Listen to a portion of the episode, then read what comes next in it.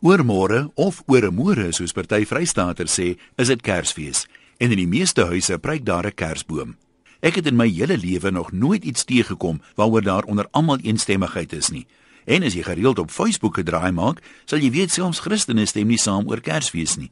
Hoewel Kersfees die geboorte van Christus herdenk, voel baie Christene dat sommige gebruike tydens Kersfees van heidense oorsprong is.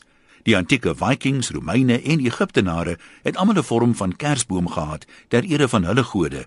Moderne kersbome het eers 16 eeue na Christus se geboorte in Duitsland ontstaan.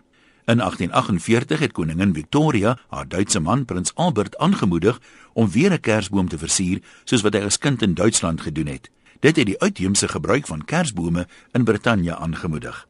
In Amerika het invloedryke mense soos Oliver Cromwell gepreek teen die heidense tradisies van versierde bome en selfs kersliedere. Van 1659 tot in die 19de eeu was daar selfs in Massachusetts 'n wet waar volgens mense wat kersversierings opgehang het, beboet is.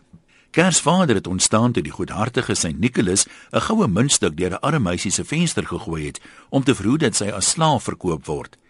Dit het egter in 'n kous beland en so het die gebruik pos gevat om 'n kerskous op te hang vir geskenke. 'n Mens weet nooit. Deur die jare het kersversierings en tradisies stryd gehou met ontwikkeling. Jy kry nou gesofistikeerde kersliggies wat 50 jaar terug bloot nie moontlik was nie. En in 50 state van Amerika word kersbome spesiaal gekweek. Niemand weet natuurlik presies wanneer Jesus gebore is nie en die datum van 25 Desember is eers 4 eeue later gekies om saam te val met bestaande feeste ter ere van ander gode, seker maar om praktiese redes. Die tradisie van geskenke gee was aanvanklik gemik op kinders, maar van al die Kerstradisies is dit seker die een wat die wydste inslag gevind het.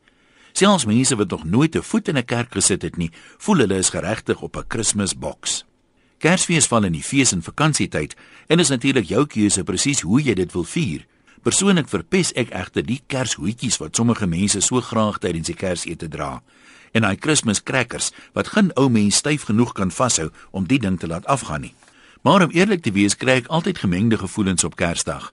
Ek is dankbaar dat Jesus vir ons gesterf het en ek waardeer die heerlike ete wat ek bevoorreg is om te geniet. Tog raak ek altyd bewus van die skrille kontras tussen die oordaat op my tafel en miljoene mense wie se lewens werklik bedreig word deur die uiterste armoede. En om een of ander duistere rede laat dit my altyd 'n klein bietjie skuldig voel. Maar gelukkig dat hom net vir 'n rukkie.